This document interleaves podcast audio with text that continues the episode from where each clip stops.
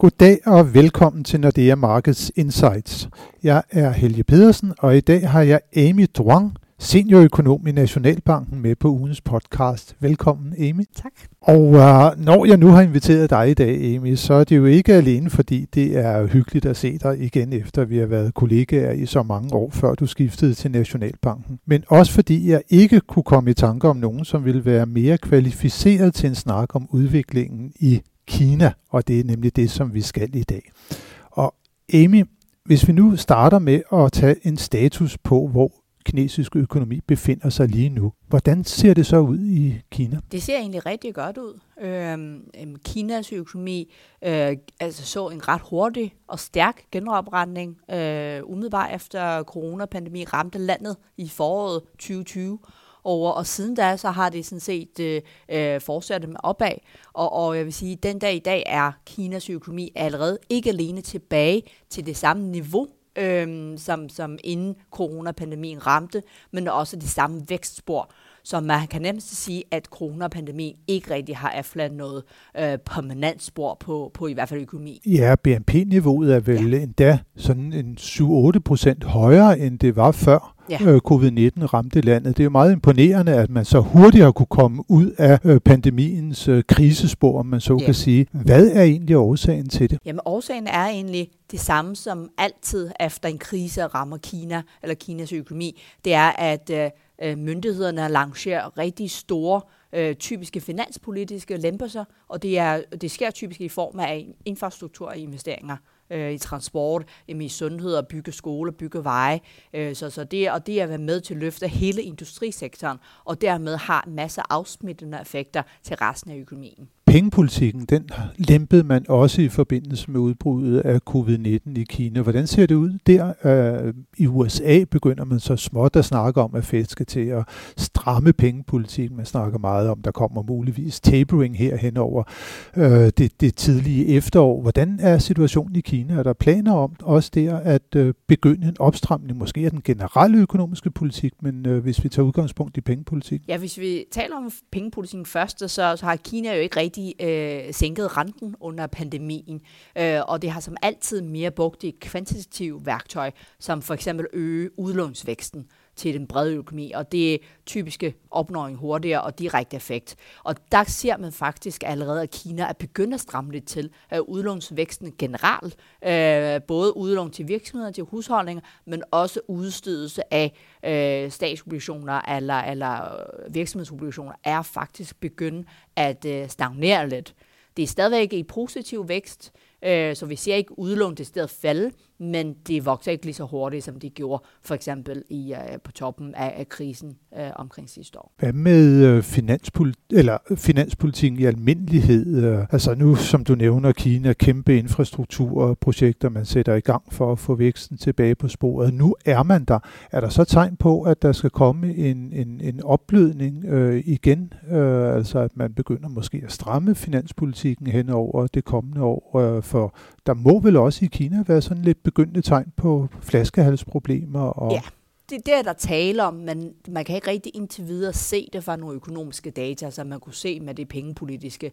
Så, så infrastrukturinvesteringer og generelle investeringer fortsætter opad. Boliginvesteringer, som var meget det, også styret lidt af staten og, og de regionerne, det er også øh, fortsætter opad og, og, og en, en stor far. Men man skal også huske rigtig mange af de her infrastrukturinvesteringer, som man lancerede i 2020 og påbegyndte allerede i 2020, det var sådan set noget, man fremrykkede en, måske en del fra 2021 og 2022. Derfor vil det være naturligt at forvente, jamen de investering, der skulle have foregået i 2021, som blev rykket til 2020, jamen, så vil det jo selvfølgelig naturligvis betyde, at en, øh, en færre investeringer i 2021, som det egentlig skulle have været. Og jeg, jeg tænker, Amy, at øh, Kina har vel også nyt godt af, at man ligesom har været verdens fabrik. Øh, altså her under pandemien har vi set, at i den vestlige verden, der har man ikke rigtig kunne bruge penge på rejser og en hel masse andre oplevelser. Og i stedet for, så har man så øget efterspørgselen efter varer. Øh, Øh, rigtig meget, og mange af dem, de bliver produceret i Kina. Det har vel også været med til at hjælpe Kina øh, relativt hurtigt ud af krisen? Ja, absolut. Man kan faktisk se, at nettoeksport har faktisk været den, der bidrag mest til væksten under øh, krisen. Og, og det har vi ikke set i, i, i flere år, nærmest siden finanskrisen øh, omkring 08-09. Derefter begynder nettoeksportens bidrag til væksten altså falde ret kraftigt. Øh, dels på grund af Kinas egen øh, skift fra en øh, eksportdrevet økonomi til mere indlandsdrevet økonomi, øh, men også dels på grund af en ændring af, af global efterspørgselsforhold. Men det har altså så ændret sig her under, under pandemien, hvor Kina har eksporteret rigtig mange elektronikprodukter, men også medicinale og, og beskyttelsesmidler, som en maske har de jo, har de jo produceret og eksporteret massivt af. Øhm, så, så det har bidraget rigtig meget. Øhm, men der siger man jo også, at hvis nu der så opstår, som, altså som en status som verdensfabrik, gør jo selvfølgelig, har jo nogle visse risici. Så når hvis Kina op, oplever noget, hvad kan man sige, flaskehalsproblemer, øhm, at der er simpelthen ikke nok kapacitet, enten om det er på grund af, af produktionsfaciliteter eller simpelthen øh, men produktionsmedarbejdere. Øh, det hører vi også om, at der er flere øh, hvad kan man sige, producenter eller fabrikker, der, der simpelthen rapporterer, at de kan ikke få nok fabriksansatte øh, til at arbejde. Øh, havne har manglet personale til at ligesom håndtere alle de varer, der skal ind og ud af Kina. Øh, så, så det er jo selvfølgelig noget, der kommer til at skabe det her, eller i hvert fald også forværre det her flaskehals, vi har set øh, globalt og som så påvirker leveringstiderne. Og nu, når du nævner netop øh, Kinas udenrigshandel, det har vel også været sådan, at Kina har eksporteret mere, end man har importeret, så der har vel også været mismatch i alle de containere, ja. der er gået ind og ud ja. af Kina, som også er med til at give de her leveringsproblemer, som vi har. Fuldstændig. Så der har været mange flere øh, tomme container ud af Kina, eller øh, ind til Kina, end øh, ud af Kina. Men, men man skal også huske for eksempel, at det her Suez, øh, Suez-kanales øh, blokering her i, øh, i marts-april måned, jamen de forværrede jo problemet rigtig meget, og en stor del af det her lange leveringstider er jo stadigvæk sådan en forsinkelse fra dengang. Og, og, og det er jo simpelthen fordi, at det har en meget vigtig øh, ligesom transportvej øh, mellem Asien, og så her selvfølgelig især Kina og Europa. Så, så det er her, hvor, hvor det har forværret problemet betydeligt. Så det er blevet forværret af det. Øh, du nævnte også øh, før de her store infrastrukturprojekter, øh, som man har gang i i Kina. Øh, det er jo også noget, Kina er jo verdens største øh, forbruger af råvarer. Så det er måske også Kinas sådan øh, måde at få genrejst økonomien på, der har været med til at få råvarepriserne op på de øh, meget øh, høje niveauer, som de har nu i hvert fald for, for, for nogle varetyper. Det er jo kommet fra lavt niveau, så det er måske mere vækstraterne i, i råvareprisstigninger, som der er sådan ekstraordinært store for tiden. Men øh, der, der, der spiller Kina vel også en rolle? Ja, absolut. Og det har en effekt på alle råvaretyper, alt fra olie til kul til alle de metaltyper, fordi at Kina er jo sådan set øh, den største forbruger af alle disse typer varer, og det har jo en effekt på, på alt andet. Og for eksempel det, hvis man ser på det her med, at øh, prisstigningen generelt er steget, og folk der siger jo, hvis du kigger på alle de øh, fremstillingssurveys, øh, der bliver lavet rundt omkring, så er priskomponenter jo i både jamen, PMI i Europa, eller ISM i USA, eller PMI i Japan og, Kina, der viser, at priskomponenter simpelthen er de stede til meget, meget højt niveau. Og en stor del af det kan man se simpelthen på producentpriserne i Kina. Altså varer, der, der simpelthen forlader en fabrik i Kina, det er også stedet meget, meget kraftigt og voldsomt, det nærmest til det højeste niveau, vi har set i 10 år.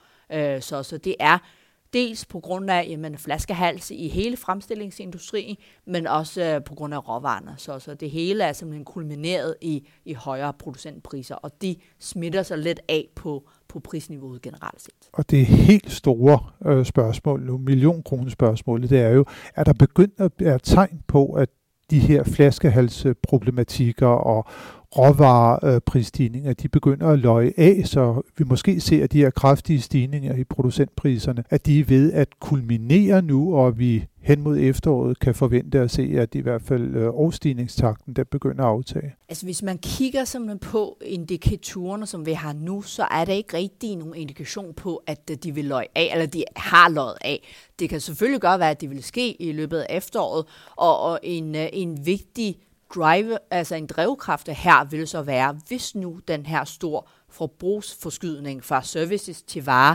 som følge af pandemien, fordi man ikke har kunne gå ud og forbruge services, så har alle jo bare købt en ekstra computer eller noget ekstra til hjemmet. Jamen hvis den så begynder at ændre sig, at folk nu igen kan gå ud og spise på restaurant og rejse og spille golf, jamen så, så, så, så vil det jo selvfølgelig have en betydning for, fordi helt efterspørgsel vil ikke være lige så kraftig eftervarende. Så alene sådan et øh, skift tilbage til en normalisering af privatforbruget i den vestlige verden, det vil være med til at øh, lempe på de øh, flaskehalsproblemer, som ja. vi ser lige nu. Men øh, Amy, hvis vi nu også øh, kigger sådan lidt i de mere brede termer, så i går øh, var det jo den officielle 100-årsdag for dannelsen af Kinas kommunistiske partier.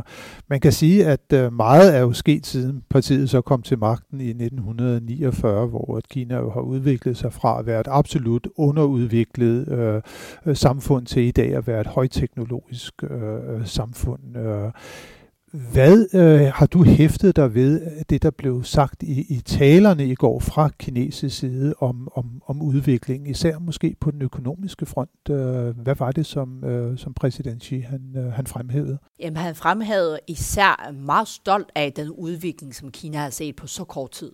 Øh, og det, det tror jeg er jo ligesom øh, uset før i nogle af landene i historien. Og, og det, det er selvfølgelig, det, det fremhæver han rigtig meget for at give en national stolthed til hele befolkningen. Det er med til at samle befolkningen og, og føle, at øh, det skal være stolt af at være kineser. Øh, men, men han fremhævede fortsat, at den politiske model, den socialistiske model, har været med til at øh, drive den økonomiske udvikling, og dermed at fremhæve, at det er vigtigt at fortsat at øh, hvad kan man sige, vise støtte til det, til det kommunistiske parti og, og til øh, det regime, der er i Kina, fordi det er jo det, der sådan set er ligger grund til den økonomiske succes. Øh, så, så det var også en meget vigtig pointe i hans tale. Så, så det var jo ligesom en selvskulderklap til, til sig selv og til, til partiet, og det er sådan ligesom dem, der har fået det til at ske. Det er det kommunistiske parti, der står bag de store økonomiske fremskridt. Er ideologierne, de vil fortsat øh, være fremhæskende i, i, på den verdenspolitiske front. Og vi ved jo også, at forholdet mellem USA og Kina har været spændt over de seneste år, som vi på den øh, økonomiske front jo har kunne mærke, især gennem øh, den handelskrig, som øh, præsident Trump øh, initierede. Øh, nu har vi fået en, en ny amerikansk administration. Joe Biden er blevet præsident. Hvad kommer det til at betyde for, for udviklingen i handelskrigen? Vi ved jo også, at man opnåede en form for en, sådan en, en, en opblødning i forhold til, da man lavede en såkaldte fase 1 øh, handelsaftale for et par år siden nu. Ja. Øh, hvad, er, hvad er status på den, og hvordan ser det ud fremad? Ja, det er jo egentlig meget spændende, at man lavede det her våbenhvile, eller det her fase 1-aftale mellem USA, altså med Trump og, og, og Kina. Øh, men så kom coronapandemien, der simpelthen forstyrrede det hele. Og øh, fordi til baggrund for det her fase 1-aftale, så skulle Kina have, have købt så meget, så meget af vise varer, øh, landbrugsprodukter, øh, fremstillingsprodukter og andre ting fra USA. Og, og Kina har simpelthen ikke kunne leve op til det på grund af coronapandemien.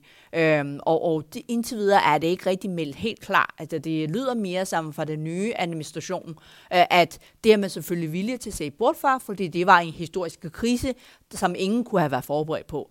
Øh, men, men tonen har ellers været relativt, hvad kan man sige, øh, Øh, beskeden fra, fra Biden og, og nogle af hans øh, topfolk på, på handel til at håndtere Kina. Det har været meget mere pragmatiske og meget mere diplomatiske i deres tone over for Kina, men jeg vil ikke sige en markant opblødning. Øhm, I for eksempel deres øh, øh, chef, øh, jamen altså, hvad kan man sige, øh, negotiator eller forhandler øh, med Kina, det er en, øh, med, en kvinde med kinesiske rødder, men, øh, men, men i hendes efter flere omgangs øh, snakke, eller dialog med hendes kinesiske øh, hvad kan man sige, modpart, så sagde hun, der er altså fortsat store forskelle mellem, hvordan amerikanerne ser på problemstillingen, og hvordan kineser gør det. Så, så alt tyder på, at handelskrigen, eller helt konfliktet mellem USA og Kina, vil ikke bare forsvinde, øh, bare på grund af, at Biden kommer til. Og her skal man også bemærke i Xi Jinpings tale fra i går, hvor han simpelthen også fremhævede, at i fremtiden, der skal Kina jo fortsætte med at udvikle sig hurtigt. Og her nu skal vi så øh, lægge vægt på innovation. Vi skal fortsætte med at være, øh, hvad kan man sige, vi, vi, vi skal fortsætte have den ambition om, at vi, være, vil være den bedste i, i som en teknologisk supermagt, øh, måske supermagt i mange andre ting. Og de er nogle af de her ting, som måske USA vil opfatte som en, øh, en trussel eller en risiko, at Kina skal være så langt foran den teknologiske front. Og, og hvis man så har meget forskellige ideologier, hvordan kan man så enes på den front? Så derfor så ser jeg stadigvæk desværre, kan man sige, flere områder, der stadig vil skabe konflikter mellem de to i fremtiden. Ja, for man må sige, at i takt med, at Kina udvikler sig til en teknologisk stormagt, giver det jo også meget bedre muligheder for at udvikle sig til en virkelig militær stormagt, fordi de to ting, de hænger så snævert sammen. Men jeg hørte også sige, at der er ikke sådan en tegn på en egentlig rigtig opblødning. Vi skal ikke forvente, at handelskrigen den går i sig selv, bare fordi vi har fået en ny amerikansk præsident. Men på den anden side skal vi måske heller ikke være bekymret for en eskalering Nej, af den. Det... Altså med nye runder, hvor at uh, øh, 12 og andre former for begrænsning på den frie handel mellem USA og Kina uh, bliver, bliver, bliver forhindret. Nej, det, det synes jeg er, er, er rigtigt forstået, så længe Kina ligesom ikke, eller de to sider ikke, der ikke sker nogen politiske begivenhed, der, der trigger det. Så vi øh, har jo hørt om en øh, nyhed fra Financial Times i går, der, der har skrevet lidt om, hvordan USA og Japan er i hemmelighed uh, forberedt nogle missioner på at kunne modstå Kina, hvis nu Kina øh, ændrer attitude over for Taiwan. Så det er sådan nogle ting, der kun ændrer det hele økonomiske og handelsbillede øh, eller forhold mellem USA og Kina. Men så længe den slags begivenheder ikke sker, jamen så, så tror jeg ikke, at handelsrelationen forværrer herfra. Nej, for Kina har jo stadigvæk ambitionen om et genforenet Kina, altså at Taiwan på et tidspunkt igen skal være en del af, af det rigtige Kina. Men det bliver super spændende at se, hvad der kommer til at ske øh, fremover. Vi plejer jo altid at øh, slutte vores øh, podcast af med at tage de øh, kortere øh, briller på, om man så kan sige, og kigge på næste ugens øh, begivenheder. Og øh, den er en uge, som er lidt tynd på øh, økonomiske nøgletal. Vi får endelig PMI-data for blandt andet Europa. De kommer på mandag for USA på tirsdag, og også på tirsdag kommer analytikernes vurdering af situationen i tysk økonomi, som sædvanligvis øh, påkalder sig en vis interesse på de finansielle markeder. Det er det såkaldte CDV-indeks, som offentliggøres det, og så kommer der i øvrigt også øh, det såkaldte non-manufacturing ISM fra USA, altså vurderingen af situationen i tjenestesektoren i øh, USA. Og der fik vi jo her øh, i går fik vi tal fra, fra øh, USA fra fremstillingssektoren, der viste, at den økonomiske aktivitet fortsat er på et meget højt niveau, men hvor man måske i virkeligheden mere skulle lægge mærke til det, som Amy også var inde på, nemlig at priskomponenten i, øh, i ISM-dataene, de, den fortsat øh, peger pilen opad.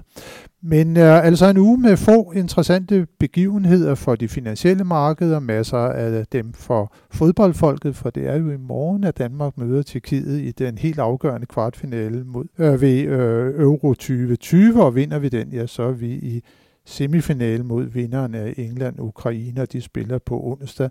Amy, et øh, bud fra din side.